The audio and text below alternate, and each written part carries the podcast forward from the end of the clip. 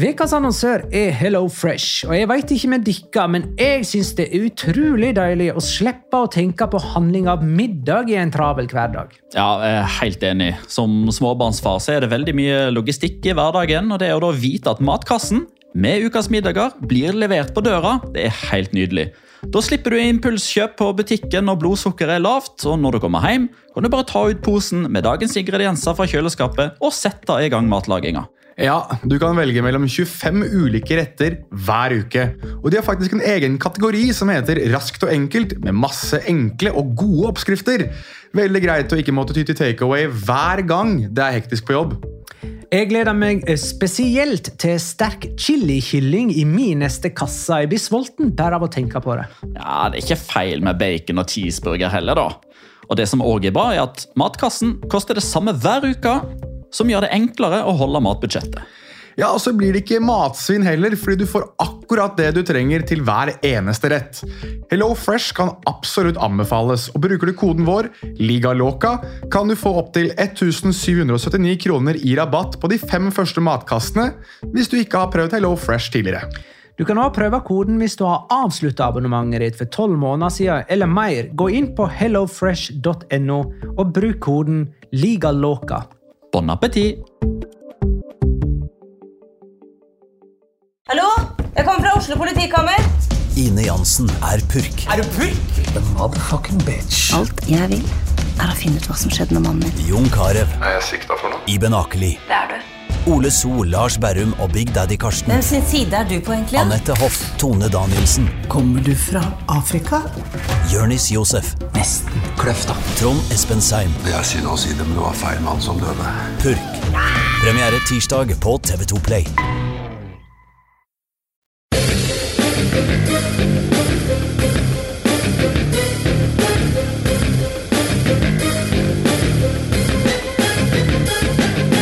Har du sett? Villarreal kom til Madrid og dikterte alle Atletico-spillere til å gjøre akkurat som den gule ubåten ville.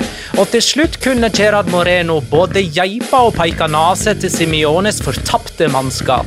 I samme runde som Real Madrid og Barcelona leika seg til borteseiere. La liga loca. En litt gærnere fotball.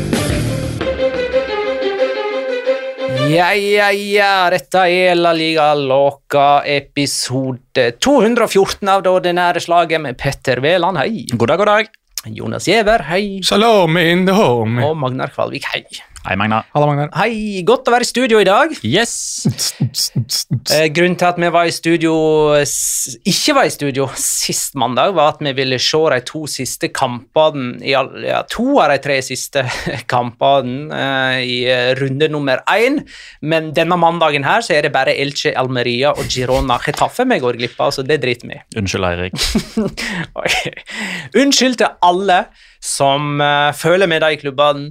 Uh, vi lover å ta de uh, ettertrykkelig nærmere i øyesyn seinere. Eventuelt aldri.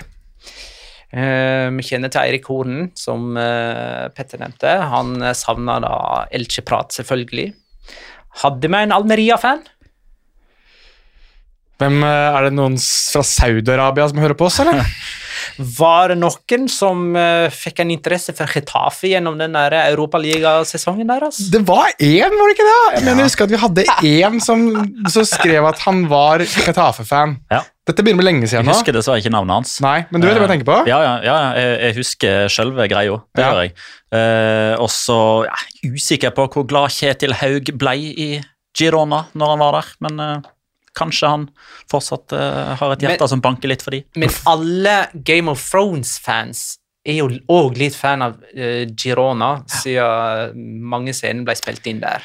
Syns det er litt gøy at uh, altså Elche Almeria er jo sånn First Price-utgaven av Clash of the Cash i Premier League. For der har du jo liksom Elche med Christian Bragarnik, som er Scarface uh, For så vidt en First Price-utgave av Scarface. Og så har du da Almeria, som er ledet av Turki al-Sheikh, som gjør det til en vane å legge ut bilder av Mohammed bin Salman på Twitter-kontoen sin. så det er, jo, altså det er jo den kampen mellom de to mest eksentriske eierne i La Liga, vil jeg i hvert fall påpeke. da. Så de som nå i etterkant, for jeg regner med at denne podcasten her høres kanskje på etter at den kampen er blitt spilt, eventuelt kanskje rett før. Jeg vil jo håpe at man tenker på det sånn, da, at det er to eksentriske eiere som møtes. Det fins eksempel på sportsvasking i Spania òg. Gjør det, men, Almeria men Almeria er det er eh, Almeria mer enn Elche. eh, Ja, I definitivt. så fall.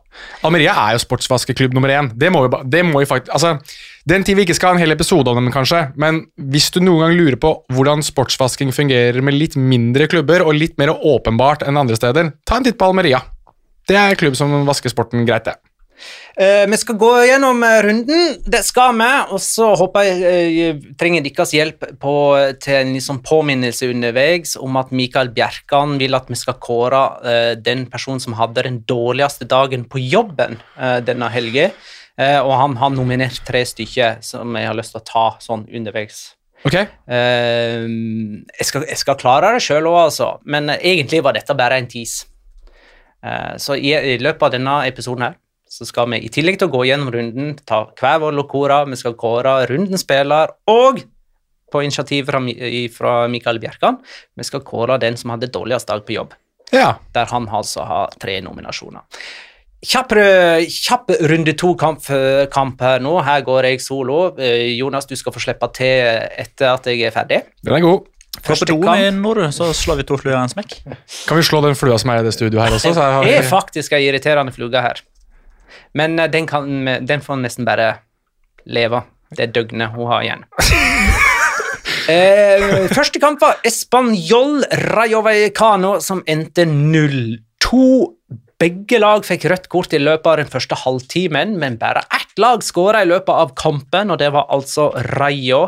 Sevilla Valladolid 1-1. Sevilla lå under 1-0 og kan takke en kjempetabbe av Valladolid-keeper Asenjo for at de fikk med seg sitt første poeng for sesongen. Osasona Cádiz 2-0. Seks av seks mulige poeng på Osasona, som skåra begge målene sine på straffe. Mallorca Real Betis 1-2. Seks av seks mulige poeng på Betis, som skåra begge målene sine på straffe. Bare kjøre litt copy-paste her for å få. Celta Vigo Real Madrid 1-4. Seks av seks mulige poeng på Real Madrid, og de hadde fire ulike målskårere. Og Chuameni var stødig Casemiro-erstatter på Balaidos. Atletic Club Valencia 1-0. Atletic sin første seier siden Ernesto Valverde tok over igjen. Valencia sitt første tap siden Gattusso tok over der. Atletico Villarreal 0-2. Villarreal har òg seks av seks mulige poeng, og det etter to bortekamper, null baklengs og fem skåringer. Real Sociedad Barcelona 1-4. Både nieren og tieren kom i gang for alvor for Barcelona. Lewandowski med to mål, Ansu Fati med ett mål og to målgivende på den halvtimen han spilte. Jeg tenker vi kan eh, begynne der, jeg, eh, gutta. Eh, Real Sociedad Barcelona 1-4 på Anoeta, altså. En heseblesende kamp som Barcelona etter hvert fikk kontroll på gjennom et par bytter og en formasjonsendring. Det er helt riktig. um, og det er jo Du skrev det jo i discorden, gjorde ikke du det, Jonas, at eh, det var liksom sånn Ok, hva, hva skjedde her nå? Uh, jo, uh, Rafinha og Ansu Fati kom inn, og der er liksom der er liksom den enorme bicepsen og tricepsen til Barcelona denne sesongen. da. Altså de, kan, de kan starte med Ferran Torres, og så har ikke han en god dag på jobben. og Så, eh, så vidt passert 60, så kan de bare hive inn eh, et nytt arsenal av offensive angripere da, som da skal forsøke å, eh, å skape ting mot uh, forsvarsspillere da, som har da løpt rundt i en drøy time og begynner å bli slitne osv. Så, videre. uh, så liksom sett i lys av dette her, da, så begynner jo jeg etter hvert nå å falle ned på den sida som mener at disse fem byttene eh, i litt for stor grad kanskje gagner de største klubbene med de bredeste stallene, i større grad enn at de små lagene får inn friske bein defensivt og stykker opp spill osv. Fordi jeg har hørt ganske ofte at jo, men altså, dette er jo perfekt for de lagene som vil dra ned tempo, for jo, de får jo flere bytter, altså flere anledninger til å få stopp i spillet, og spillerne kan bruke lang tid på å gå av banen osv., men det stemmer jo ikke. For du kan jo fortsatt bare stoppe spillet tre ganger. Mm. Du kan ikke gjøre flere byttesekvenser. Så det poenget er liksom litt borte. Eh, Frode Fotballfrosk eh, skriver, bas basert på gårsdagens andre omgang, er oppskrifter eh, Xavi bør gå for eh, flere helspark og flest mulig angripere på banen. Ja, det var, men det var rått å se på, da. Altså, som Petter eh, påpekte, og som Altså, jeg syns det er litt sånn jeg, jeg blir litt, sittende og nikke litt sånn i aksept over at jeg, det minner meg litt om det gamle Barcelona, når de plutselig bare kan dytte inn på to spillere av ypperste klasse. liksom. Altså Ansu Fati kommer til å bli verdens beste spiller hvis han er skadefri, og Rafinha har no, Han er ikke i nærheten av å være like god, men han har noe Ronaldinhosk over seg. Det har han jo. Og når du bare kan dytte inn på de to, og Robert Lewandowski plutselig kommer til live igjen, da, og han begynner å helt flikke og ser helt plutselig polo ut, han òg, da Nei, det er, det er noe helt sensasjonelt over å se på det Barcelona holder på med, syns jeg. Um, og, og, men jeg mener Den som ikke nevnes nok her, er jo Pedri. Pedri. Jesus Christ, for en kamp. Ja, For en mann, for en spiller. er det, er det 4-1-skåringa der han spiller inn til Ansu Fati som legger til Lewandowski? Er det, på, er det fjerdeskåringa eller er det tredjeskåringa? Det tredje Det er vel tredje, Altså, ja. den den pasninga inn mellom der er liksom Ja, men drit nå i den, da. Det han gjør før 1-0, er jo det som er helt sjukt. Ja, jeg den satt- nå altså, er syk. Hakomik Hakom gikk rett i gulvet når jeg så det han gjorde der. Ja, men jeg er enig med 30 deg. sekunder av kampen. Men det er liksom, du, man ser jo for seg at Andres Iniesta sitter et eller annet sted i Japan med et eller annet godt i glasset og nikker anerkjennende til det han ser på der. Det er, det er som å se Andres Iniesta opp av dage, liksom. Min favorittskåring i den kampen er nettopp den 3-1-skåringen du nevner, Jonas. Både pga. pasningen til- fra Pedri eh, og Gavi, som faktisk slipper den ballen mellom føttene sine, så han går til Ansu Fati, som legger igjen til Lewandowski. Eh, det er ganske smukt. PS Hingsten skriver Ansu Fati. Er han virkelig så god som han ser ut? Ja. Jeg, Han er jo faktisk det. Det er ikke første gangen han kommer inn og endevender en kamp. Nei, jeg var jo nesten overraska over at han ikke skårte først. For det er jo alltid det han gjør. Altså, Han har jo et sånn gjennomsnitt på eh, 18-19 minutter han på banen etter skade eller i debut, der han faktisk skårer mål. Denne gangen så klarte han jo faktisk å vente i skal se hva blir det, Han kom inn etter 63 og skåra etter 79. Han holdt seg på snittet, da. 16 minutter. Og før det så assisterte han to ganger. Altså Det er altså så vilt hvor god den gutten der er. ja, men, men jeg, altså jeg øh, holdt på å si legger meg Eller hva skal jeg si for noe på spansk? Skulle man sagt at uh, mestoy mojando. Altså jeg sier jo Mener jo oppriktig at han kommer til å bli verdens beste spiller så lenge han er skadefri. Altså det, og det mener jeg sånn Han har jo noe helt gudebenådet over seg. Problemet er bare at han klarer ikke å holde seg skadefri. Og det er jo noe som for så vidt minner oss litt om Lionel Messi og i starten av hans karriere. Selv om Messi var kanskje enda råere foran mål, så er på en måte Ansu Fati kanskje mer en lagspiller. Lionel Messi ble jo utviklet seg til å bli det kanskje litt mer senere i sin karriere, men da, da ble han jo noe så voldsomt òg. Men det Ansu Fati har, da, av talent og evne til å få det, det vanskelige til å se enkelt ut, det, det er det bare visse fotballspillere i løpet av en generasjon som har, og han har det. Ehm, så jeg ehm, Men er liksom, jeg håper bare ikke at det, det talentet kveles i det evige hav av angrepstalent som Barcelona ser ut til å ha akkurat nå. Det er det jeg er litt redd for. Eh, Hvor mye kan vi lese egentlig ut av resultatet? På papiret møter de et meget sterkt lag, eh, Real Sociedad. Eh, Men eh, Pedrito Numeres, Numeros gjør meg oppmerksom på hvor svake resultat eh, Real Sociedad har hjemme mot andre topp sju-klubber de siste tre sesongene. Én seier hjemme på de siste tre sesongene mot topp sju-klubber, og så er jo de sjøl blant de topp sju, så det blir jo på en måte de øvrige uh, Ja. Det blir topp seks, da. Fra, fra tida til eh, Martin Ødegaard og Alexander Sørloth så har jeg ennå ikke kommet meg dit at jeg har avfylt noen av eh, jeg supporterstemmene til Real Sociedad som er fulgt underveis der for å få en litt sånn fornemmelse av hva supporterne føler. Eh, men en av de som jeg da eh, kanskje ikke skal avfylle likevel, for jeg syns han, han, er ganske flink til å se ting liksom fra et utenfra og inn-perspektiv, til tross for at han er die hard Real Sociedad-fan. Han skrev eh, noe sånt som denne kampen jeg tror jeg har sett sånn ca. åtte ganger de siste tre sesongene. Der man spillemessig henger med ganske lenge, og idet kampen står og vipper litt, så blir det fullstendig slagside feil vei. Uh, og det er jo på mange måter det som er kanskje det siste Altså, jeg ble, ble litt sånn skuffa på det, altså Sociedad sine vegne. rett og slett fordi altså, Vi har det jo på fjerdeplass, jeg hadde det på fjerdeplass. Tenkte kanskje at dette her er liksom sesongen de skal begynne å bruse litt med fjærene. da, og, og, virkelig gjøre Anueta til et fort òg mot de aller største, men, men, det ble nei. Det blir jo altså, åpenbart 1-0, 1-0, 1-0, 1-4. 1-0, 1-0, 1-0. Det er jo sånn det, er sånn det blir istedenfor. Um, men jeg leste en statistikk på at de i fjor slapp inn kun ni mål totalt på Anueta. Mm -hmm.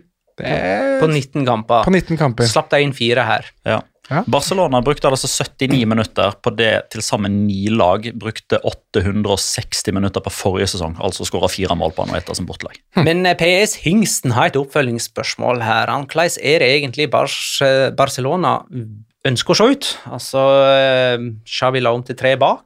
Ja, og, og jeg begynner å Det syns jeg var et veldig godt poeng fra Morten Langli i studio til TV 2 i går. Eh, med at det er så mange stoppere der, og det er så få backer som kommer inn, og de backene som er der, er enten ikke backer eh, på vei ned eller på vei bort. Altså Sergio Roberto, uh, hvor lenge skal vi anse han som en uh, høyrebecks nødløsning? Og nå skal vi jeg, bare akseptere at han, han, er ikke så veldig god. Sergino Dest ikke med i troppen i de to første. Helt åpenbart at han ikke er med i Chavi sine planer. Ronald Araujo og Jules Condé kan begge spille backer, men alle vet at de er best som stoppere. Så har du Christensen, du har Piquet, du har Erik Asia. Og så viser riktignok Alejandro Balde at han er veldig, veldig god når han får tillit og når han har en kamp som i går, men samtidig ekstremt offensiv, så i mine øyne i større grad en wingback enn en venstreback.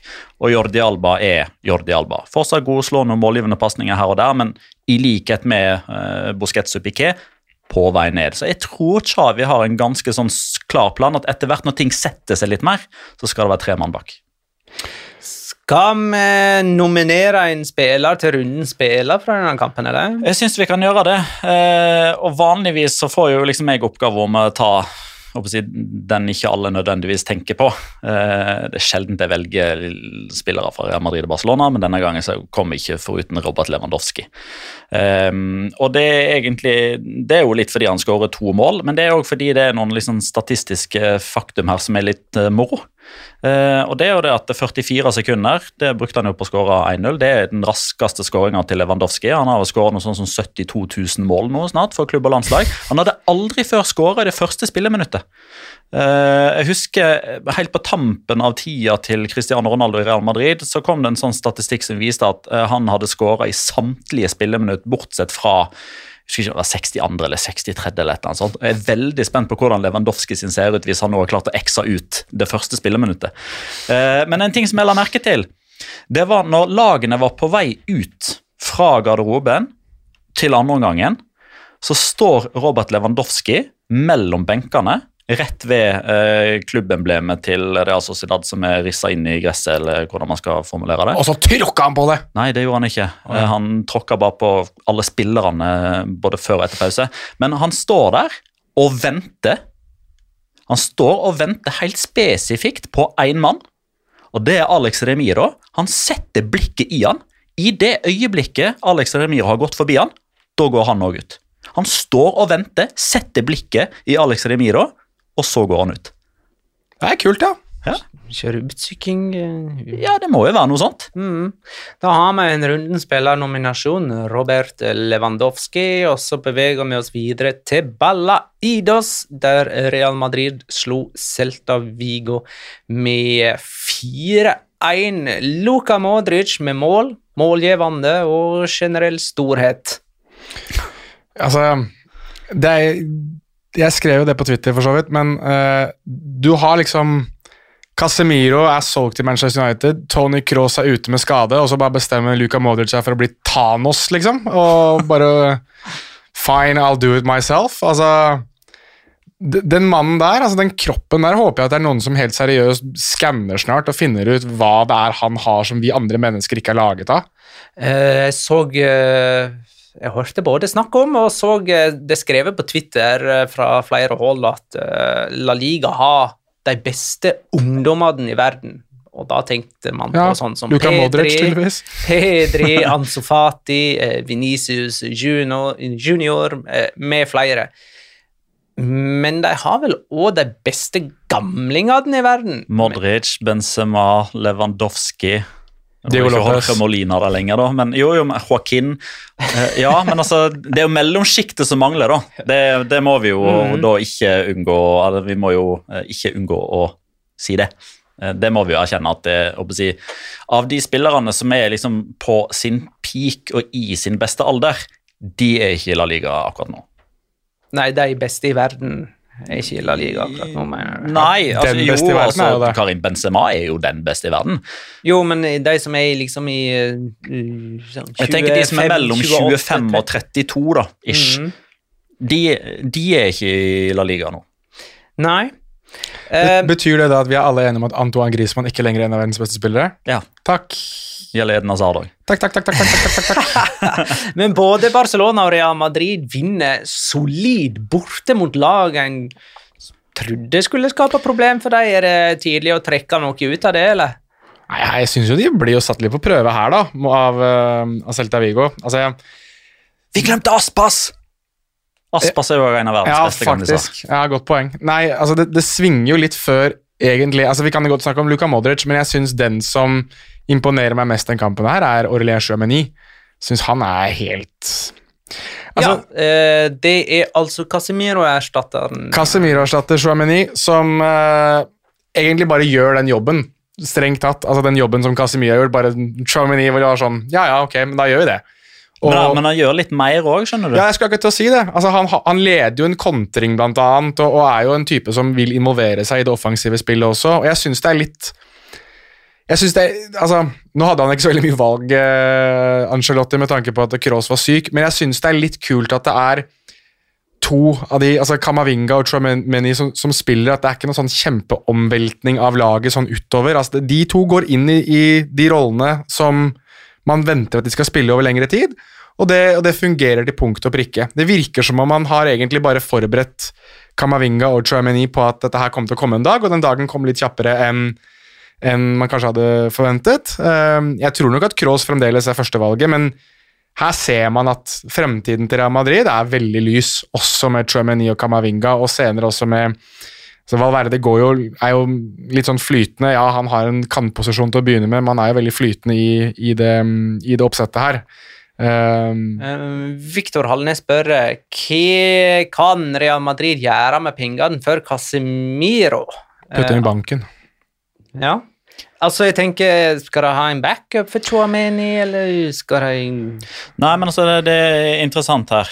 Um, og nå la jeg ikke i farten merke til hvem det var som, eh, som skrev det, men det har jo kommet fram uh, rapport nå Uh, i går, var det vel, om at uh, Casemiro hadde gitt beskjed til agenten sin uh, allerede i kjølvannet av Champions League-trofeet i, eh, i mai, eller begynnelsen av juni, var vel det om at han, han ser gjerne for seg å prøve noe nytt nå. Ikke noe sånn 'jeg vil vekk' eller 'finn meg en ny klubb', men dukker det opp en mulighet, så, så la, oss, la oss sjekke det ut. Eh, og sånn som man kjenner Casemiro sett utenifra, så har nok ikke han fortalt det kun til agenten sin. Her har nok òg gitt en liten heads up eh, om at eh, dere skal ikke se bort fra at dere kanskje må begynne å tenke litt på hvem som skal erstatte meg. Og derfor sprengte de banken for Chouameni. Eh, I større grad enn at det var omvendt. At det er bare sånn ja, ekstremt bra planlegging av Real Madrid på generelt grunnlag ved at erstatteren allerede, allerede er på plass. Dette, er en sånn, dette virker som at det er en ganske sånn spesifikk Ok, greit, du vil bort. Det skal du få lov til, eh, men vi må først få hente erstatteren. Og så har de klart det. Eh, Og så går det jo så å si null. Altså De tapper litt på det, men de henter jo inn en som nettopp har starta karriere, mot en som er 30. Ja. Og på dagens avskjedspressekonferanse så satt jo både Florentino Perez og Carlo Angelotti med tårer i øynene, eller iallfall sistnevnte. Ja. De, de rant jo til og med. Ja, jeg synes det, jeg, det, En av de få gangene jeg har sett Florentino Perez se oppriktig talt altså, lei seg ut. Altså, han så ut som at dette her traff han skikkelig. Eh, nesten litt sånn småsjokkert òg over at man var der. Og Mr. Kapitan spør hvordan rangerer med Casemiro blant defensive midtbanespillere i La Liga? Han er vel nummer én. Han, er, Ja, per nå. eh, eller nå er han jo ikke der lenger, men sånn han var der. Han, Men, men jeg tenker mer sånn i et historisk perspektiv. Ja, altså, vi, vi, vi har jo snakka om denne Makkelele-rollen. Mm. Eh, At han på mange måter definerte det, men altså ah, Han var jo sånn sett først, og det kan godt hende at det var noen for han, men det blir før vår tid. altså Det kan godt hende at det var noen på 80-tallet som revolusjonerte sentral midtbane i Atletico, for alt det jeg vet. Eh, Men i og med at Makelele var først, så står den fortsatt så sterkt. Men hvis du ser karrierene til Makelele og Casemiro spesifikt i Real Madrid opp mot hverandre, så er det jo eh, seier på teknisk knockout etter tolv sekunder. Fordel Casemiro i form av trofeer og hvor lenge han var der og hvor mange kamper han har spilt osv. Ja, jeg er enig. Jeg, eh, nå var han ikke der lenge nok, da, men jeg skulle likt å sett hvor Yaya Touré hadde blitt stående igjen i det her. Eh, Jeg syns Yaya Torres sitt ettermæle i Barcelona er litt underkommunisert, men det er fordi at Barcelona fortsatte å være så ekstremt gode også etter at han dro.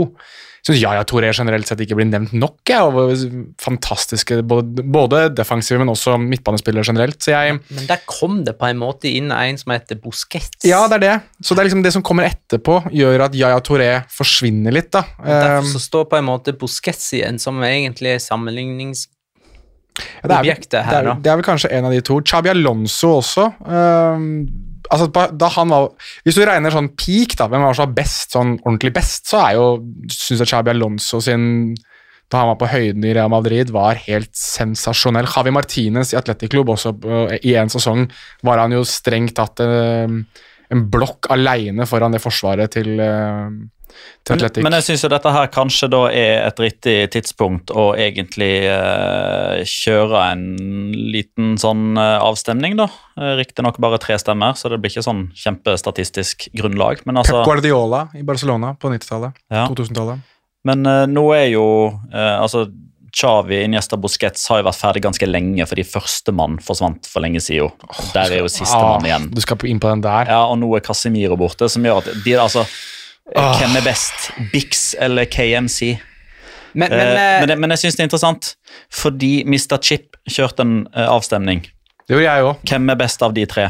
Han fikk 160 000 svar, Ja, det er litt flere enn meg. og det var 52-48. Ah, det var ekstremt jevnt, og jeg kjenner på meg sjøl at hvis jeg er nødt til liksom, altså Hvis noen står med en pistol mot tinninga, så skal jeg klare å komme med, en, med et svar der jeg setter den ene trioen foran den andre, men det er, det er vanskelig. ja, jeg, jeg går for eh, Barcelona-trioen. eh, eh, mest fordi at de føltes som en sånn banebrytende uh, variant, som på en måte satte en helt ny fotball på kartet. Uh, og så føler jeg vel at den Real Madrid-trioen har vært mer suksessfull, tross alt, da, med tanke på Champions League. Ja, jeg, jeg, jeg kjører en litt sånn eh, hender over hodet, feig eh, du skal- strutsevariant her, Ja, skal komme med et svar. og komme med et svar, Ja, bra. men jeg baserer det på tall. Bix mot CMK. Jeg liker den her. Ja, eh, og Bix vant 19 trofeer, mens eh, KMC vant 16. Ah, så det er færre. Men eh, ja, det er jo for at Bix hadde flere nasjonale. I, ja, altså flere seriegull, ja. Ja, eh, flere serietitler, også noen sånne er supercuper. Jo da, men det har uh, KMC òg. Men Jo, men altså, ja, men KMC uh, hadde disse tre strake Champions League eh, Det- det hadde de. måte Eh, Veger ganske Det veger litt. ja, ja, det er klart det gjør det. Eh, og KMC starta i La Liga og Champions League, så starta de 142 kamper sammen med en seiersprosent på Jeg syns den er lav. 62. 62. Altså, de, Ja, ja. de klarte da altså ikke å vinne nesten fire av ti kamper de Sånn starta. sånn Jeg syns det, det er sjokkerende. Når du har Victor Wanyama og Joshua Watt eller hva han heter for noe, som scora for Celtic den kampen der Celtic hadde 7 possession, husker du den kampen der? Jeg Ja, men de- det er jo mot Bix, da, ikke mot KMC. Jeg synes du om Bix nå. Ja, okay. Nei, nå, nå er det Bix. 113 kamper starta de sammen. Seiersprosent på 68. Er, Bix er altså Busquets sin gjester, vi, Jeg må tenke meg om hver gang jeg kjører disse her eh, konsonantene. Bixit. Uh, Ok. Nei, jeg Altså, jeg, jeg, jeg tror da, i historisk kontekst så må, må, det, må det her gå noen år før man kanskje har det virkelige svaret, for det er fortsatt ferskt at Casemiro har gått. Men jeg synes et lag som vinner fire Champions League-trofeer sammen, da, eller en trio som vinner fire Champions League-trofeer i større eller mindre grad sammen, så kan man jo si at et par av dem var jo også med å vinne et tidligere Champions League-trofé også i, i 2014. Men når du vinner så mange Champions League-trofeer sammen over en så kort periode, og tre av de er på rad da er det, altså Jeg er helt enig i at Chavi Niesta Busquets Hvis du tenker på hvem har vært mest betydningsfulle for fotballen, no question. Der er det de som vinner på teknisk knockout. BX eller Bix, eller hva du kaller dem for noe. Men suksessfullt, trofeer, eh, hva de har betydd i form av stamme altså og også det at det, og det her er en viktig greie, syns jeg òg. De gjorde det uten den store stjerna. altså Cristiano Ronaldo var ikke lenger i Real Madrid da de vant sin siste Champions League-tittel. Ja, Benzema var der, men de tre har på en måte vært the mainstand hele veien. Så går jeg faktisk for Kroos, Modric, Casemiro. Så bra, da får vi fordelt det litt. Det var, det var godt. Uh, må nevne at det var tre, vi er fortsatt på Celta Vigo og Real Madrid. Sånn i eh, kampsnakk. Det var tre straffespark i denne kampen, og den ene som bomma, heter Eden Hazard. Og han jo, fikk jo lov til å ta dette straffet for å booste moralen. Eh, Og hva fungerer vel dårligere enn å bomme på en sånn straffe for moralen sin del? Han eh, bomma på alle pasningene etter det òg. Eh, Ancelotti har for øvrig like mange kamper som Real Madrid-trener nå, som det José Mourinho hadde. Det er altså 178. Eh, på de 178 kampene tok Mourinho to, tre trofé. Ancelotti har åtte. Kan vi, kan vi bare, bare for å ha kansellert det, bare for å ha sagt det Er vi, kan vi, er vi enige at Eden Hazard altså, det, er, det er ferdig? Ja. Vi er helt, Samme, samme som Grismann. Ok. Ja, ja. Ja, men jeg er enig i at de er, det der er over. Ja. De er spillere i La Liga, men de er ikke spillere i La Liga som vi tenker er referanser for noen av sine lag lenger. Mens Dembélé han er på G igjen nå. For det var jo de tre vi snakka om Ja, okay. forrige høst. Fair enough. Og det er halvannen uke igjen av overgangsmarkedet. Ja, få dem bort, begge to. Uh, skal vi se, har vi en spil, runden spillernominasjon her, eller? Ja, det har vi. Uh, vi har vært innom han. Uh, nå er jo selvfølgelig noe, noe med at jeg er partisk fordi jeg akkurat valgte KMC, men uh, Luka Modric i, i den kampen her synes jeg er Han er så jævlig bra, bare for å utheve hvor god han er. altså. Det er så sinnssykt hvor god han er i sånne kamper som dette. Skåringen hans er jo kan jo henge opp på veggen i, på, i Louvre på loop. Eh, Det er noe én ting, men pasningen hans også til Venezia Junior er altså Greit at touchen til Venezia er bra, og at uh, han gjør veldig mye selv der, men, men det å bli spilt igjennom på den måten som Modric gjør, første touchet hans Det er, det er så få spillere i verden som klarer de tingene han gjør. Når du også legger ved at han er 36 år, så blir jeg bare sånn Nei, jeg, jeg, blir, jeg blir helt seriøst sittende og riste på hodet og lure på min egen genetikk mot hans, egen, mot hans genetikk. Uh, han er laget av noe jeg ikke har laget av, og ingen av oss andre har laget av. Så det mm. men, det er, men det er godt å se at han fremdeles har de prestasjonene i seg, og da håper jeg jo at vi får kanskje se de et par år til. Jeg, altså Angelotti sa jo at han er jo immortal. Altså Han spiller så lenge han vil. At Så lenge Angelotti sier han skal spille, så fortsetter han. Vi går til Atletico Madrid, Villarreal 0-2. Der Jeremy Pino og Gerard Moreno skåra målet for eh, Villarreal. Så vi rett og slett Unai Emeri outsmarta Diego Simione her? Ja, og jeg vil si, jeg vil si hvorfor. Eh, en ting jeg la veldig merke til her, var at de virk, altså, den første omgangen er en av de kjedeligste omgangene med fotball jeg har sett på lenge. Og det er fordi at ingen av de to lagene hver ønsket å ha kontroll over ballen. Det var veldig åpenbart at begge to hadde lyst til å ligge lavt og kontre på motstander. at de ønsket, Det var gameplan.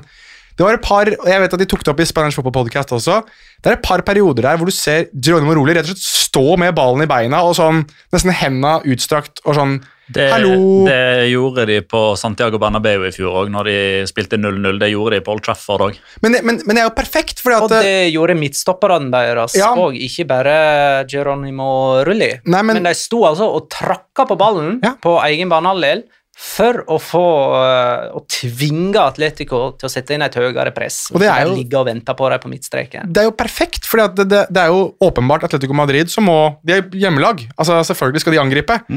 Så One Emery fikk dratt ut Diego Simiones lag, og mm, Nei, jeg liker, jeg liker, det, jeg liker den taktikken. Ja, og det som òg er interessant her, da, er jo at i det som du helt korrekt eh, omtaler som en ganske kjedelig førsteomgang, så er det jo allikevel den førsteomgangen i eh, på, på Wanda Metropolitano, som de nå har spilt for Civitas Jo, Metropolitano. ja, nå heter det Civitas, men de skal vi si det, 1836, de 72 første kampene de spilte der, så heter det Wanda Metropolitano.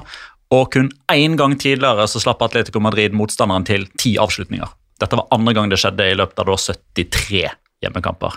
Så da, han outsmarta han. Ja, og det, og det var ikke nødvendigvis av måten de sto og venta Atletico mm, eh, til å sette inn et høyere press, at de skåra målene sine. Men det var jo en måte for, at, eh, for Villarreal å rett og slett bare sette premiss for hele kampen. Eh, De kom på en måte til Metropolitano og liksom bestemte hvordan denne kampen skulle se ut, og det gjør jo noe med mentaliteten her. Ja. Det, liksom, det står og sier sånn Nei, dikka Atletico får ikke lov til å sette inn presset hvor hen dikka vil. Dikka skal komme og presse oss høyt. Vi gjør ikke noe før det, liksom. Ja. Bestemte alt ut på det her eh, Villarreal. Og så la jeg merke til at begge trenerne eh, nevnte den samme tingen som hovedelementet for hvorfor kampen endte som den endte, og det var å ikke gjøre feil. Diego, Diego Simione sa at dette var en taktisk batalje der det laget som gjorde færrest feil, vant. Mens Unai Emeri sa at det han var mest fornøyd med, var at de nesten ikke gjorde en eneste feil. Og da kommer vi inn på eh, Mikael Bjerkan sin første nominasjon til hvem som hadde den dårligste dagen på jobben, nemlig eh, høyrebekken til Atletico Madrid, eh, Molina, som først hadde en tabbe som ga forærte Jeremy Pino 1-0-skåringen, og så senere fikk eh, rødt kort. Apropos teknisk knockout, slag i hodet. altså, så, så teit! Han gikk altså rett i fella da Alex Baena først holdt Molina som eh, I Molinas jakt på en utligning, så, så ble altså Molina holdt. eh, og eh, før Molina rakk å ta frisparket, så klarte Baena da å dytte ballen vekk et par ganger mm, fra området, og det endte med at Molina slo Baena og fikk rødt kort. Spør du meg, så burde Baena fått to gule kort i samme Helt enig. Jeg skal akkurat ta- det fram. Det eneste jeg savna fra dommeren der, det var at han bare flekka opp to gule til beina og bare Dere to, tullinger, skam dere! Inn i garderoben! Det er helt utrolig at beina bare står igjen som uh, med, med, med uh, Han fikk ett gult kort og et slag i hodet, da, sa han. fikk, han, fikk han et gult? Han fikk et gult for holdninga. Han gjorde det, Ja ja, da, ja da. Ja, men det var bra. Men utover det så var det bare belønning. Ja, men jeg syns han skulle hatt gult for holdninga og gult for vekkskyting ja. Jeg liker, eh, liker det vi begynner å se nå fra kan vi kalle det Villarreal-akademiet. altså Disse spillerne som nå sakte, men sikkert virkelig tar for seg i La Liga. Nicholas Jackson syns jeg er fantastisk spennende. altså. Han synes jeg, altså Vi har snakket mye om Jeremy Pino, og for så vidt det går goes without saying at jeg liker han òg, men Nicolas Jackson har, noe, har en X-faktor ved seg når det kommer Han til rykket hans. Ja, ja, Han har jo kult navn òg. Men, men vi vi er nødt til å ha en, et terningkast på dårligdagen til oh, ja, Molina. ja, terningkast eh, liksom der seks er en dårlig Så eh, dårlig som det blir. Ja. Eh, Det er jo, ten, det er jo en terningkast fem, da, vil jeg si. Ja. Fire går jeg for.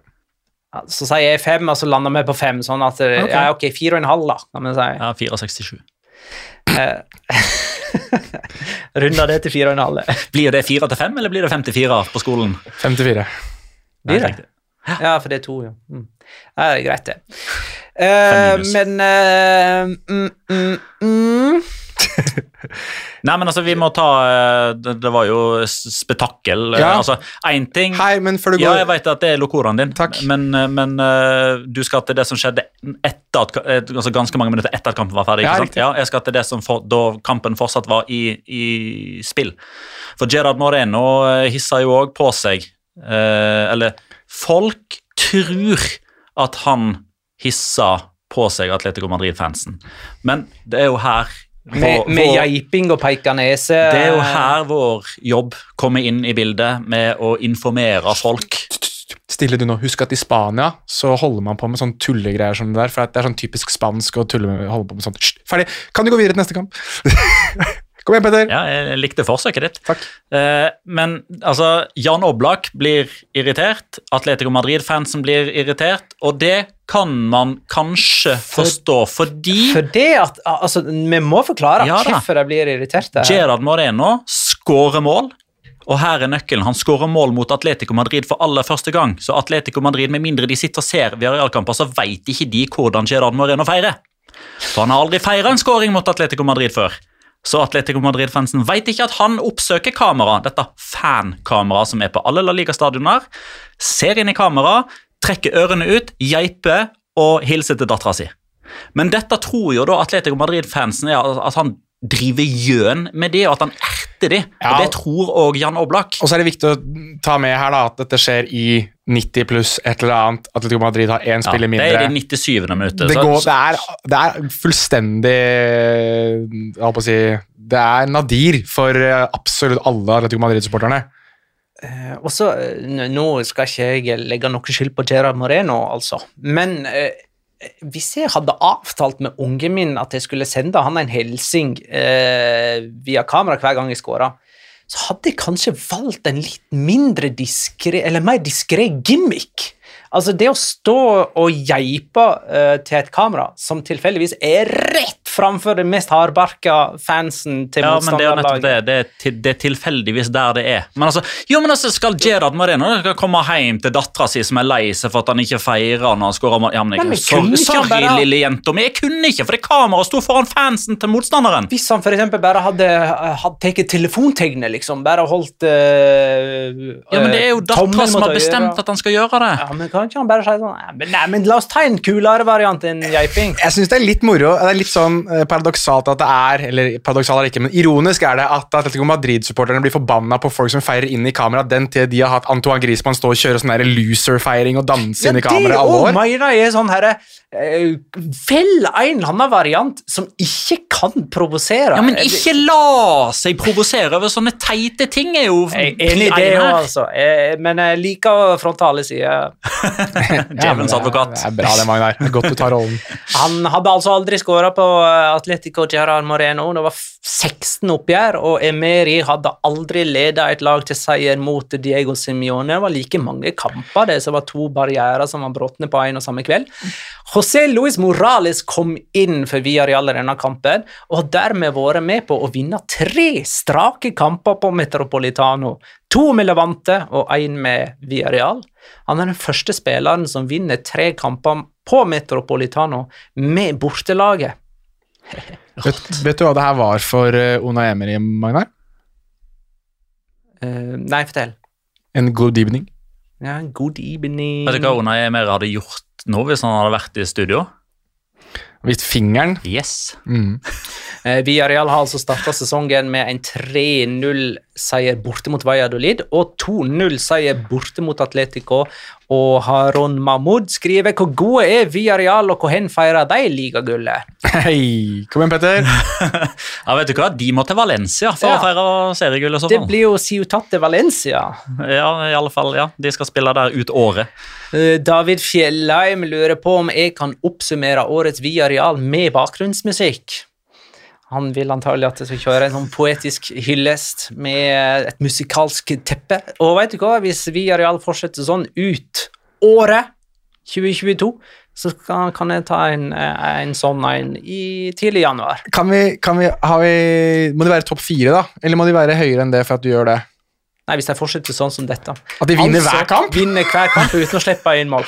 Vet, vet, vet du hvordan jeg hadde følt meg da, hvis jeg skulle hørt på den hyllesten 1.1.2023? Jeg hadde følt meg som um Steinhard, tenker Nei, jeg. jeg er hadde følt, men eh, Er det Ben Stiller han heter? eh, som i 'Svigers er verst', når Robert De Niro liksom skal begynne å omfavne svigersønnen sin. Sånn hadde jeg følt meg da. Eh, da hadde Magna vært Robert De Niro, og jeg hadde vært Ben Stiller.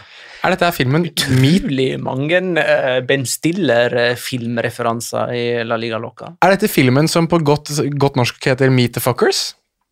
Den er det! Ja. Ja. Eh, David Sørhaug skriver blir det Villarreal eller Valencia på Cavani. Tror det blir Valencia. Jeg, jeg sitter med en fil. Nå virker det som om de klarer på en eller annen måte å dytte ut Maxi Gomez. Um, kjempeproblem, da, fordi Marcos André vil jo ikke dra. Eh, men spørsmålet er om de må ha ut begge to, eller om det går med Maxi Gomez. Men det virker som eh, Gomez til Fenebache er i ferd med å skje, og det kan løse opp Cavani-floka. Han er jo i Madrid nå ja, og venter. og venter. Men eh, ja, spørsmålet er hvor utålmodig han er. Altså, Villarreal har jo shippa ut Paco Alcácer, Mm. så det er jo en sånn eh, flotteperiode her nå, der de skal håper jeg flotte seg for bruden, og så skal Cavani velge. Det virker som at Villarreal har bedt Cavani om å vente til torsdag kveld, når eh, Conference League-gruppespillskvalifiseringa er 100% i boks, forhåpentligvis. De vant 4-2 mot Haiduk Split i den første kampen, så det er jo De er på god vei, men de må liksom Cavani vil òg vite hvor, eh, hva han har å forholde seg til, om han skal spille eventuelt konferanseliga eller ikke i Europa i det hele tatt. Men har vi en locora fra denne kampen, da, Jonas? Ja, jeg eh, Altså, jeg syns jo det er fryktelig gøy, for når, når det virkelig stormer i Atletico Madrid, så stormer det skikkelig. Og Mario Hermoso gjør seg jo ikke selv noen tjenester her, da. Ved, altså, det er åpenbart at etter kampen så skal Atletico Madrid-spillerne, noen av de som kanskje ikke har spilt, noen, av noen av de som har spilt lite, skal løpe litt og på en måte holde kroppen i gang. Det er veldig vanlig at man gjør. Jeg har jo annet stått på Ramón Sánchez Pijuan og hørt, eller sett Adil Rami drive og jeg håper å si geip og krige med Sevilla-supporterne. Um, men her klikker det altså så inn i helvete for Mario Armoso, som eh, altså er først Grismann og Hermoso får jo høre det fra Frente Atletico, som er jo den harde kjernen av Atletico Madrid-supportere. Og Mario Hermoso bestemmer seg altså for at dette, han skal ta saken i egne hender og skal opp på tribunen. Og han kommer seg ganske langt opp på tribunen nå. Det stoppa politiet på vei opp. Ja, der ser du. Han var klar for å slåss etter at uh, Atletico Madrid-supporterne hadde vel stått og skreket 'Madridista hijo de puta' eller et eller annet sånt til han. Altså, han har jo spilt er det noen år, altså mange år i ungdomsakademiet til ja, vært eh, ni eller ti år. Ja, så han er jo åpenbart gått gjennom gradene i, i Real Madrid, og det Han ble altså så sint han, for å bli kalt for eh, madridista at han skulle opp og slåss. Og da tenker jeg jo at Frente Atletico må jo være ganske fornøyde med det. At eh, en av deres egne blir så forbanna over å bli kalt for madridista, altså Real Madrid-supporter, at han vil slåss mot dem. Så hvis ikke Mario Hermoso blir applaudert inn på banen ved neste hjemmekamp, så er det et eller annet som ikke stemmer. Vi har òg en spillernominasjon fra Atletico Villarreal, og det er min spillernominasjon. Geronimo Rulli i eh, Villarreal-målet. Hadde et par helt sånn himmelske redninger, spesielt i andre omgang. Eh, Den første eh, redningen der på sjansen til Mateus Cunha, og også selvfølgelig etterpå, da, der Carasco hedda på det som så ut til å være åpen mål, men plutselig så eh, var eh, Rolli der eh, og redda ballen før han var helt over streken. Så en eh, sjelden nominasjon til Rolli. Eh, vi hopper videre til neste kamp, som fant sted på Mallorca, der Real Betis vant 2-1. To straffemål, begge omsatt i skåring, eller begge straffespark omsatt i skåring av Borja Iglesias, som har tre mål på sine to første eh, kamper. Uh, Real Betis har hatt større problemer med å registrere spillere enn Barcelona, men har likevel avgitt null poeng. Hvorfor er det ingen som snakker om det? Eh, jeg prøver å ta det opp her nå.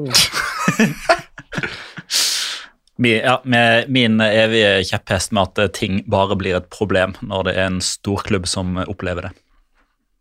Hvordan ligger han med registreringen? egentlig, Nei, er- eh, er? Felipe er jo den eneste som har blitt registrert av de nye, da, men Mm. var likevel ikke med til eh, Mallorca. Så de har jo da ti dager på seg. Eh, og eh, Palanca skal i aksjon hos eh, Real Betis òg, men det er ikke en sånn type Palanca som eh, i eh, Barcelona. Det er en ny type spake.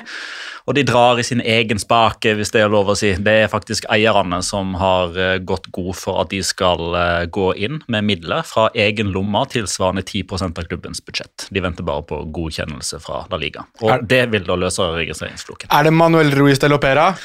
Det er heldigvis ikke Manuel Ruiz de Lopera, for de pengene hadde de ikke sett noe av. Det er helt sant, faktisk. For de som ikke vet hvem Manuel Ruiz de Lopera er, så er det da den tidligere Betis-eieren som blant annet mente han hadde gjort så mye for Betis at han byttet navnet på stadion til sitt eget navn. Han er jo ikke da lenger Betis-eier, så har vi bare fått loggført det. Men her har vi den andre nominasjonen. Jeg skulle akkurat å si, Det må jo være nominasjon her, for han, denne her får for høyt av meg. Denne for ut av meg. Eh, hvem hadde den dårligste dagen på jobben? Ja, Kan det være Mallorcas Bataglia, som laga to straffespark? eh, altså begge straffesparket til Real under kampen. Den ene ved å hense, og den andre ved å felle Nabil Fikir. Ja, altså Jeg må jo eh, Jeg kan ta den første først, da. Altså, den, Jeg husker ikke hvem det er som spiller ballen opp i hånda. Juanmi. Det er Juanmi. Ja, selvfølgelig er det Juanmi. Som spiller ballen opp i, ball, i hånda på Rodrigo Batalia. Og du bare ser idet ballen treffer hånda på Batalia, så bare ser du hele kroppen hans bare Nei! Han skjønner at det her Nå! Nei! Men allikevel, da, så skal resten av Mallorca Altså, hele øya protesterer etterpå! Ja, det, er jo, altså, det er jo verdens mest uheldige straffespark. Altså, det er så, for Du ser bare på hele at han skjønner det med en gang. Ja, ja. At her har han driti seg ut. Ja, her er det en fotballspiller som automatisk skjønner hands-regelen. Da skjønner man at da er den klar. Og, og i eh, videodømmingens tid så skjønner han at eh, her, her slipper ikke han unna heller. Nei. Nei. Og det er, altså, det, er, det er så fantastisk bare det øyeblikket hvor du bare ser kroppen hans bare er resignasjon med en gang. Men en terningkast på dårlig dag her. Ja, kan vi ta den andre også, da? For det, det er, altså den andre straffen For det, det, I mitt hode så blir han jo løpt ned av Nabil Fikir. Altså det er jo ikke, Jeg syns ikke at Rodrigo Batalla gjør så fryktelig mye feil, annet enn at han prøver å holde seg på beina. Og, Der er jeg ikke enig. ja, jeg syns det. Fordi han tar, han tar et skritt til venstre, setter ned stamfoten og fortsetter mot venstre for å blokkere Fikir. Ja, jeg synes at Der oppsøker Nabil Fikir det mer enn noe annet. Jeg synes Nabil Fikir løper mer over Bataglia enn noe annet. Og jeg synes det er Jeg synes den er veldig streng. Der kunne det, man godt ha bare latt ballen gå videre, at det er en kollisjon mellom de to. Så her går jeg for seks. Den her syns jeg er fullstendig grusom. Og var det Rodrigo Bataglia som i, Nei, det var ikke han som hadde det i fjor. Han som hadde den der rekka i fjor? Franco Rosso. Franco Rosso, som hadde selvmål, eh, Utvisning, utvisning og skade. Nei, selvmål. Selvmål Ja. og skade. Han hadde de fire Ja. i løpet av To, To tre- kamper. To kamper. Eh, Terningkast uh, Eh, Nei, den, på den er helt altså. på skalaen til Molina. Den altså, er en femmer for meg. Jeg er sekser på den her. Jeg sier fem, nei fire uh, på den her, så Ja, da lander vi på fem, da. Så da leder han foreløpig. Mm. Molina, ja. Eh, nei. nei, Bataglia leder. Fem er høyere enn Å ja, vi ble f- 54 var sist, ja. Stemmer det. Mm. Eh, jeg har en locora for øvrig fra denne kampen her. Eh, dette er min favoritt eh, videoskjermløsning. ja. Ja! eh, for eh, eh, hva det heter Visit Mallorca Estadi? Eh, Det er stadion heter? Ja.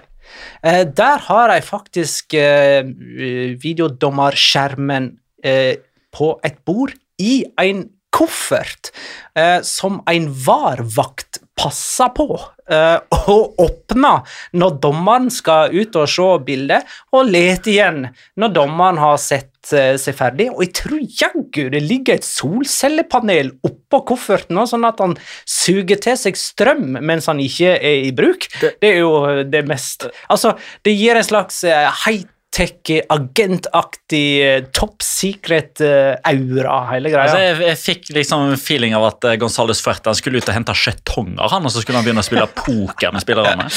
VAR-kofferten, det må bli et uh, begrep.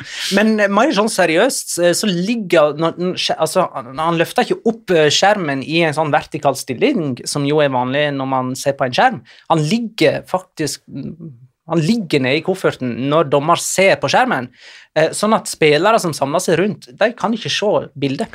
Det er jo, hei, er jo faktisk en helt genial løsning. Kan vi kanskje kalle det Pandovas eske? Du kan jo prøve. Ja, jeg syns det var bra. Uh, men, Det er veldig mange av ordspillene mine jeg syns er bra, som ikke får så veldig mye gehør her. Men det går men helt var fint. koffert må i alle fall få bli. Ja, VAR-kofferten jeg syns den var bra. Altså, VAR-kofferten på Mallorca. Eh, På Ramón Sánchez Pijuan eh, endte det 1-1 mellom stakkars Sevilla og nyopprykka Valladolid. Eh, Marokkanske Anwar skåra på marokkanske Bono. Eh, og dette var med, bare med et kvarter igjen å spille, cirka, og da trodde jeg Valladolid skulle stikke av med seieren her. Eh, men så tabba altså Asenjo seg ut, og Rekik benytta anledningen til å skåra. Eh, da har altså Sevilla ett poeng på de to første kampene, eh, og under Lopetegi så har de altså hatt seks poeng etter de to første kampene i samtlige tre foregående sesonger. Eh, du har lyst til å si noe, Jonas? Ja, du går glipp av Skal du først ha den marokkanske rekka, så må du jo også ta med at uh, Jawad El Yamik fikk jo rødt kort. Han ble utvist som eh, innbytter. Stemmer det. Han, eh, han gjorde en hederlig innsats for å holde seg på banen etter eh, omfattende skader på forskjellige deler av eh, kroppen og måtte til slutt kaste inn håndkle. Og ble den første spilleren som fikk rødt kort fra benken denne sesongen. Mm. Og du spådde det skulle bli Pepe Reina. Gjorde det. Jeg gjorde det. Det ble ikke Pepe Reina. Det, det hadde vært verre, da. Det hadde, hadde vært en, altså For å holde oss inne på pokersporet, det hadde, hadde vært en bad beat hvis du hadde satsa pengene dine på Marcos Acuña, som fikk det tre sekunder etterpå. Stemmer. Ja, det hadde vært bad beat. Det hadde vært uh, River Men- Rat og voldsomt annet. Ja, Det var jo litt sånn eh, i samme sekvensen at de fikk rødt kort, så det egentlig kan hende var litt tilfeldig hvem som fikk det første. Uh, Det kan godt hende at uh, det var i feil rekkefølge ut ifra hvem som faktisk begikk de ulike handlingene. Ja, Men de begikk samme handling samtidig. Det var for okay. å dytte på hverandre. Så. I en kommentar skriver Marka at Lopetegi har gjort én stor feil. Det er nemlig best å reise på et tidspunkt der du kommer til å bli savna. Det de fleste sevillistas lengter etter nå, er et trenerbytte. Jeg er ikke helt uenig, altså. Jeg er ikke det. Um, altså Julian Lopetegi slår meg jo som en trener som sliter på omgivelsene noe voldsomt. Altså, han kom jo inn som en trener som hadde veldig mye å bevise da, etter eh, fadesen med Spania, etter fadesen i Real Madrid, som strengt tatt hadde litt sånn verden på sine skuldre, og litt, altså denne jobben her var litt sånn make or break for hans trenerkarriere, tror jeg, i hvert fall på topp, topp nivå. Litt sånn Robert Moreno for så vidt også har hatt ved, en, ved et par anledninger nå, både med Monaco og med Granada. Og selvfølgelig faila miserable med begge de to klubbene. Eh, Lopetegi kommer til å stå igjen som en suksess, uansett hvordan dette her ender. Men det, jo, det kan ikke være så veldig langt igjen før dette er over. Snakker Eh, vi Robert Moreno inn, da? eller? Nei, vet du hvem jeg tror? Han var jo i Spania nå. Jeg tror Pochettino jeg, er en type som kanskje ser på Sevilla som et alternativ nå. Spennende. Det Eh, hadde vært så jævlig digg. Ja, men jeg er helt enig. En annen som, nå er, en annen som står uten jobb nå, er jo Jorge Sampaoli, for så vidt. Og Marcelo Bielsa. De alle sammen står Tre uten jobb. gode kandidater der. Altså, Det er sjukt at du nå har lansert Ok, Vi snakker om en trenerjobb som snart blir ledig, og du har lansert tre kandidater, og du har ennå ikke sagt Marcelo Gallardo! Nei, men Cacciardo skal være i, River mest sannsynlig ut, uh, ut året, regner jeg med, før han blir tilgjengelig. Men jeg tror Julian Lopetegi sin trenerjobb kanskje blir tilgjengelig før det. Um, Pochettino vil jo sikkert inn i en jobb veldig veldig snart. Uh, Sampaoli hadde vært gøy tilbake inn i Sevilla. Men, men for å ta Lopetegi, da. Jeg tror bare at det er liksom de samme løsningene hver gang, det er, og de fungerer ikke lenger. Nå Og har han, er å skrike og rope og veive med armene. det er jo en, det er en av løsningene, men en, en løsning han også her er Jeg syns det er ganske friskt, da. I den kampen her så starter han med eh, Isco, Isco Light Oliver Torres, Isco Light Erik Lamela, Isco Light Papo Gomez og bytter inn på Isco! Da Som jo er en light versjon av seg sjøl. Ja, men, men altså, hallo! Da er det liksom hva, altså, Ingen av svarene på problemene dine er Isco. Slutt å tro at Isco skal løse alt. Han hadde én jævlig bra kamp for Spania mot Italia. Jævlig bra! For fem år sia! Slutt! Men eh, da har vi altså Lopetegi som en potensiell kandidat til å bli den første som får sparken. Ja, det, jeg vil tro at oddsen er relativt lav på han sammenlignet med de andre. En annen kandidat er italiener og jobber til daglig på Mestalla. Nå i helga jobber han på San Mames, der eh, Valencia tapte 1-0 for Atletic eh, Klubb. Eh, Berenger, matchvinner for Atletic i sin hundrede kamp i eh, Primera Divisjon. Atletica starta sesongen med to heimekamper og resultat i 0-0 og 1-0. Skal det virkelig bli en sånn sesong igjen? Um, definer, definer sånn sesong. Nei, det er noe det er noe sånn Atletic gjerne er, da. Eh, og dette her var vel kanskje den mest oppskriftsmessige kampen i hele runden. Atletic slår Valencia 1-0, liksom. Det Ja. nothing Ja, det to see here. eh, Gå videre. Ja. Eh, altså, Hvis vi da er ute etter eh, ord som eh, solid og stødig og trygt, så tror jeg nok at det blir nok en sånn sesong igjen, ja. Men jeg vil egentlig bare understreke litt det jeg sa etter den første kampen, med at jeg liker veldig godt at det er bare én sånn defensiv slugger som spiller fra start, og det er Mikkel Veska. Og så får Oyen Sansett og Ikedemonia Monjain spille samtidig. Williams-brødrene er jo fortsatt Altså, jeg syns det er så fascinerende å se at Nico Williams er så Injaki Williams opp av dage som det er mulig Men å det få det. er jo det mest spennende med Atletic. Det er når, når skal den ene bror Williams assistere den andre ved en scoring? Her Det var skjedde det jo. svært nærme. Og det her var fryktelig nære da Inyaki assisterte Nico, som skåra, men som òg viste seg å være offside, dermed altså annullert. Eh, apropos eh, potensielt eh, Cavani til Valencia, Lars A skriver Maxi Gomez må Valencia gjøre alt de kan for å bli kvitt. Ja. Det er det. du vil si, Magnar? Nei, Du kan få lov til å si hva jeg har sagt. Liksom. Ogodoro måtte jo ha med skade her, da. Det, så det kan jo tyde på at de faktisk må spille med Maxi Gomez eh, hvis den skaden er mer alvorlig. Hvis ikke de rekker Kavani-toget før det virkelig seiler unna. Jeg har en liten morsom nyhetsoppdatering som jeg fikk nå. Eller det er ikke oppdatering og oppdatering, men det er jo gøy å nevne. Eh, det, det eneste vel norske alibiet i en La Liga-klubb akkurat nå, Alexander Gurendal, uh, var på trening igjen med A-laget til, um, til Valencia Kult. nå i dag. Det er hans andre A-lagstrening med, med Valencia. Uh, det har jo vært innom preseason-treninger osv. òg, men eh, nå er han i treningsoppsettet til, til Valencia, i hvert fall for andre gang. Så, og han er jo en angriper, så det kan jo man skal jo i hvert fall ikke la seg overraske hvis han kanskje på et eller annet tidspunkt er i en tropp, da. Eh, Det hadde vært gøy. Det hadde vært veldig gøy. Nå kommer jo Brian Hild òg, ser det ut som. Igjen. Ja, det gjør han. Det, det er gøtt, for da har du en spiller som potensielt sett ikke bare skyter hele tiden. Jeg er så lei av å se Lino og Castillejo veksle på å sende um, skuddsalver opp på tribunen. Det skjer litt for ofte. Men um, i den kampen her så er Valencia er tannløse, det er ikke noe mer å si. De er Men de har en gigantisk utligningsmulighet eh, på overtiden. Men, altså, Magnar- når tilleggstiden er ute, og Gattusso går ned på kne og bare Jo, men Magnar, det er Marcos André, liksom. Ja, men det er vel det de har, da. Jo, jo. Så Kan jeg, kan jeg komme med en observasjon for øvrig på Gattuso som jeg syns er veldig gøy? ja. Han, eh, Vi husker jo, vi som er holdt på å si, litt eldre kanskje, enn noen av lytterne våre, husker jo uh, Gennaro Gattuso på banen. altså Veldig ilter, mye grinta, skriking og hyling og veldig sånn «Åh!»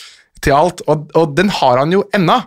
Men jeg synes at det er litt gøy at han har blitt veldig sånn selvobservant på det der, At hver gang det skjer mot linjema, eller mot fjerdedommer, så, så er det et eller annet som skjer i kroppen som bare stopper, og så bare øh, prøver å ta han i hånda etterpå. Liksom, Ja, beklager. Be om unnskyldning med en gang. Unnskyld, unnskyld. Og så tar han liksom fjerdedommer i hånda og liksom beklager seg og står med hendene på ryggen. Og... Så jeg syns det er liksom øh, Det er noe Det er en sånn kampiver som ennå lever i Gattuso, og så er det plutselig sånn der selvrealisering om at oi, nei, jeg står bare og er svett på sidelinja nå. Det er det som er jobben min.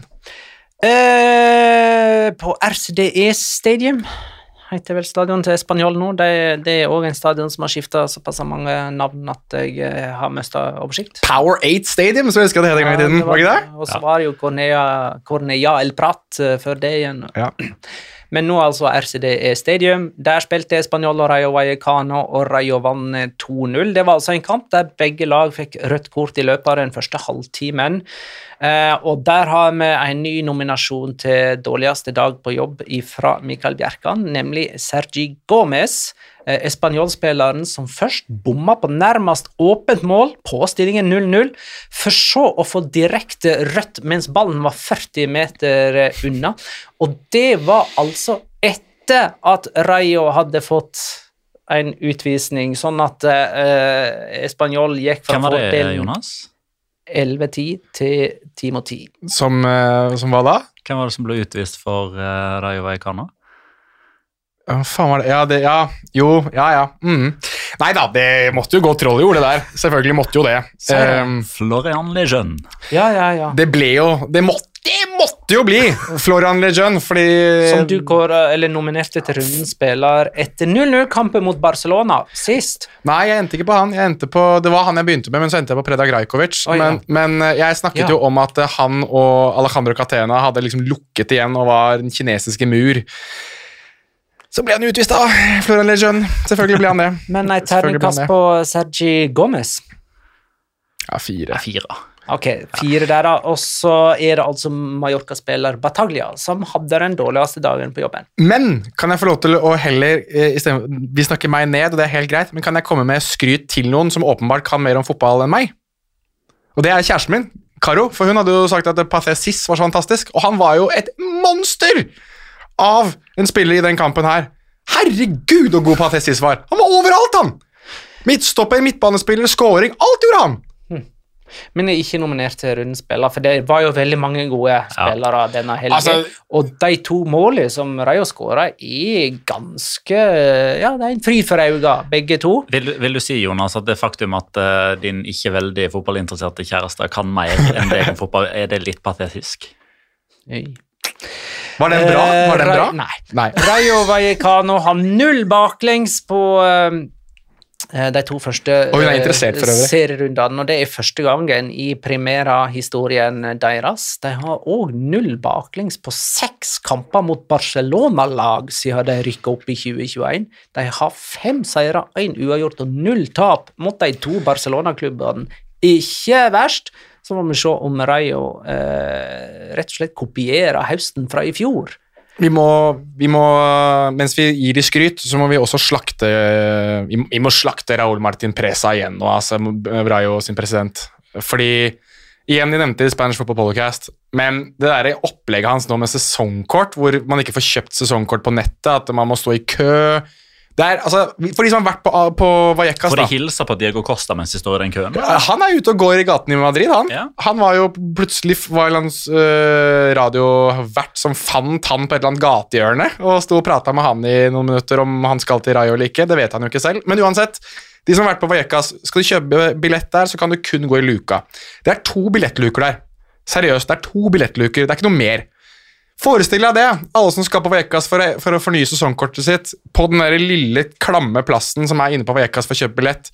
Raúl Martin Presa gir så fullstendig faen han i de supporterne som dag inn og dag ut støtter det laget der. Og hvis det er noe uh, Rayo-supporterne skal ha um, kred for, så er det at de står med klubben sin ass, i motgang og medgang. Bucaneros de, de møter opp, og de lager et jævlig til liv, uansett om det er serierunde 1 eller 38. At de Sammen med en rekke gamle uh, supportere, for så vidt også, for det er mange gamle sesongkorthavere på de ulike stadionene i Spania, må stå i heten og vente på å få fornya sesongkortet sitt. Det er så forkastelig og så pinlig at nå må den mannen der sett til helvete å skjerpe seg. Osasuna Cádiz er den siste kampen vi har sett eh, og skal snakke om. Det Det endte 2-0 til Osasuna på El Sadar. Seks av seks mulige poeng altså på Osasuna, som jo møter Diabetes på fredag. Eh, Så da må jo en av de eh, to minst avgi eh, poeng, da. Her i denne kampen skjedde noe så sjelden som at en angriper fikk straffe idet han ble felt etter å ha kommet til avslutning. Det skjer nesten aldri. Anti Bodimir kom til avslutning, ble deretter felt av Kadis keeper Ledesma. Eh, og hvem dømte straffe? Jo, Mateo Laos, som skal dømme Dinamo Zagreb mot Bodø-Glimt på onsdag. Ja, eh, og det skal han ha ros for. Ikke det at han skal dømme den kampen, eh, men at han ga den straffen. Men han skal òg få ris. Eh, Før du, før, du, før du tar det, kan jeg bare få sagt det at uh, Matheo Laos har aldri vært mer uentusiastisk over en fotballkamp enn den kamp. Altså, Han blåste det første straffesparket, så visste jeg ikke det var straffe engang. Han blåste bare sånn halvveis. Nei, men det, det er det som er kjepphesten min. Jeg har okay. nevnt- det før, Ja. og jeg kommer sikkert til å si det igjen, men denne gangen så faktisk, det, det fikk faktisk uh, direkte konsekvens og betydning for jeg ikke nødvendigvis kampens utfall. Men Thomas Alarcon han ble jo utvist. ja, Han fikk to gule. Det første gule fikk han etter 47 minutter for protester. Og eh, I det øyeblikket han da går inn og kvester en Osasona-spiller, hvis navnet jeg ikke husker i øyeblikket, så, så står jo han og aksepterer å få, å få gult kort, og så skjønner han ingenting når han ser det andre gule. Og så sier han sånn Ja, men jeg har jo ikke sagt noe. Jeg har jo ikke sagt noe. Hvordan kan jeg få to gule? Han har ikke fått med seg at han har fått det første gule, og det er det som er det store problemet med kampledelsen til Matheo Laos. Hvis det er noen i Bodø, om det så er i Glimt eller i byen Bodø, vær oppmerksom. Du veit aldri når du får kort av Matheo Laos. Du må ha øynene i nakken. Han bryr seg ikke om om du får det med seg, så lenge han skriver det ned, og så lenge han kommer i TV-linsa. Så Amal, eh, Hugo, Brede Altså, pass på. Spør en gang for mye enn for lite. Gå gjerne bort og gi han en klem og spør «Du, forresten, har jeg fått et gult kort, eller kan jeg klippe ned en mann for å stoppe overgang om to minutter. Men uh, han skal ha kred, eh, Matteo Laos, for måten han gir Alarcon det andre gule kortet på. For da, eh, da strekker han begge armer i været med et gult i den ene hånda og et rødt i den andre, og så senker han det gule, sånn at det røde blir hengende alene. Det er jo vakkert, da. Det er jo vakkert. Det er estetisk, det er det. Eh, hvor mange feiringer hadde Chimi Avila i denne kampen, da, Jonas, når han skåra på det ene straffesparket sitt? Jeg hadde faktisk eh, Men det straffesparket var imponerende. Jo, men detaljen der, da. Han tar straffa med høyre. Han er venstrebeint. Ja, og Ja, han springer vel egentlig Han springer rett fram. mot ballen, så man, man veit egentlig ikke hvilken fot han skal skyte med. Nei. Her. Og så skyter han midt, høyt midt i mål. Mm. Er umulig å ta. Eh, og Osasona har fått tre straffespark som alle har blitt omsatt av tre forskjellige spillere. Chimi, Avila og Kike i denne kampen, og så Eimar og Ross i den eh, forrige. Mm. I talende stund så er Kadis det eneste laget med to kamper og null poeng. Å, så synd, da. Eh, Lukas Pettersen lurer på om vi kan gi én grunn til at Kadis skal komme topp 17 denne sesongen, og det kan vi ikke. med. Nei, altså ikke en sånn ut ifra et sånn faglig perspektiv på om vi tror at det blir topp 17. Den eneste årsaken til at jeg kanskje skal finne litt hjerterom til å ville ha de i La Liga neste sesong, og må jo i så tilfelle være at jeg ikke kommer meg til Nuevo Mirandia i løpet av denne sesongen. Jeg, har, jeg kan gi, gi et faglig grunnlag, jeg. Ehm, Betis og Barcelona sliter begge med økonomien. De kommer til å få trekk i poeng og kommer til å måtte forsvinne ned under Cádiz. Samtidig så klarer Raúl Martin Presa å drite seg såpass ut og gjøre et eller annet dumt som gjør at Tebas igjen trekker de for poeng. Dermed kommer de under både Betis og Barcelona. Cádiz kommer opp på 17. Eller opp på, ja, opp på 17. plass. Overlever. Barcelona, Betis og Rayo rykker ned. Vær så god. Da mangler vi én Locora, Petter. Ja, eh, og grunnen til at den ikke har kommet før nå, er at den er ikke kampspesifikk, eh, så den har liksom ikke passa inn. Uh, Men at den kommer i etterkant av Osasona Cádiz, det kan jo egentlig være en, en fin overgang. Da. For jeg har jo hatt en, en Twitter-tråd uh, egentlig gående gjennom helga. Der dommere helt Ja. åpenbart har forsøkt å overgå hverandre. Eh, og Det starta jo fredag kveld med Figueroa Vasques, eh, som da viser ut Florian Lejeune og Sergi Gomez i løpet av den første halve timen. Og så Senere på kvelden så er det jo Polido Santana som da dømmer sin aller første kamp i La Liga. og Han eh, flekker opp rødt kort til Jawad El Jamik og Marcos Acuña, og kampen varer i over 100 minutter pga. mye tillegg og bråk og skrik og skroll. Og Så starter jo lørdagen. Mateo Lahos er fortsatt Mateo Lahos. Det er to straffespark til Cádiz og et rødt kort eh, og en kampledelse som vi har snakka om. Turen går videre til Mallorca og Gonzales Fuertes. Han bruker sju sekunder han på å dele ut det første gule kortet, og det siste gule kortet kom 100 minutter ut i kampen mellom Mallorca og Betis. Og I mellomtida 13 gule og to straffespark. Så altså 15 gule i den kampen der, altså. Og så tar Hilman Sano over stafettpinnen og avslutter da lørdagskvelden med tre straffespark i kampen mellom Celta Vigo og Real Madrid. Så det er ikke rart at vi kaller denne podkasten for La Liga Locca. Skal vi bli enige om rundens spiller, da? Vi har nominert Robert Lewandowski, Luka Modric og Geronimo Rulli. Det blir Modric for meg. Jeg innser vel at Rulli blir liten i det selskapet. Modric Jeg kan gå med på Modric. Ja, jeg var som nominerte han, så. Ja, da blir det Luka Modric. Vi gratulerer. Tippekampen eh, vår denne runden, det var Real Sociedad Barcelona som endte 1-4 med Lewandowski som første målskårer. Jeg hadde 1-2 med Lewandowski som første målskårer, og dermed får de tre poeng. Jonas hadde 0-1 med Pedri, og Petter hadde 0-1 med Dembélé, så dere får ett poeng hver. Har ikke jeg vunnet denne konkurransen tre ganger på rad? eller noe? I alle fall to. fall to. Uh, og jeg går rett opp i tet etter første tipperunde. Jeg vil bare si at eh, jeg fullførte mitt, eh, min del av å tape tippekonkurranse, så nå, Petter, eh, nå må vi få deg på banen. Jeg har jo ikke fått straffen. Nei, hva, altså, Er du villig til å ta den Ja. jeg hadde foreslått? Ja. da?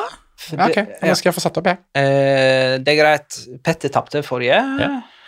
Kanskje ikke nå. ikke Neste nå. Kamp eh, det må nesten bli Valencia Atletico Madrid, som går så seint som klokka 22 mandag kveld. Jeg sier 1-2 og Saul som førstemålsskårer. Saul. Uh, på Mestalla uh, 0-3. Uh, og selvfølgelig, siden det er meg, siden det er Mestalla, siden det er Atletico Madrid, så er det vel sikkert Alvaro Morata da, som skårer. Morata. 0-2 eh, Joao Felix. Alle tror Atletico vinner. Ja, Er du sjokka over det, eller? Eh, litt kjedelig var det. Bare la merke til en uh, liten sånn morsom ting på tampen her. For Retafe spiller jo kamp borte mot Girona i kveld.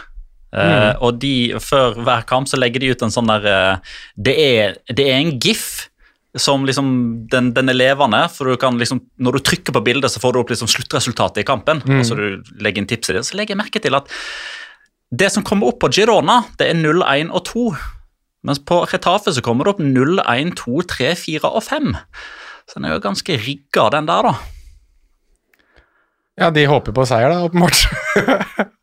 ja, den er rigga, Ja. men du, du hadde vel ikke trodd at de skulle prøve å så det, det er jo for å få publikum til å bli litt gira, ikke sant? Heia, heia, heia. Få det vekk. Få det på. Tusen takk for at dere lytta, kjære lytter. Ha det da.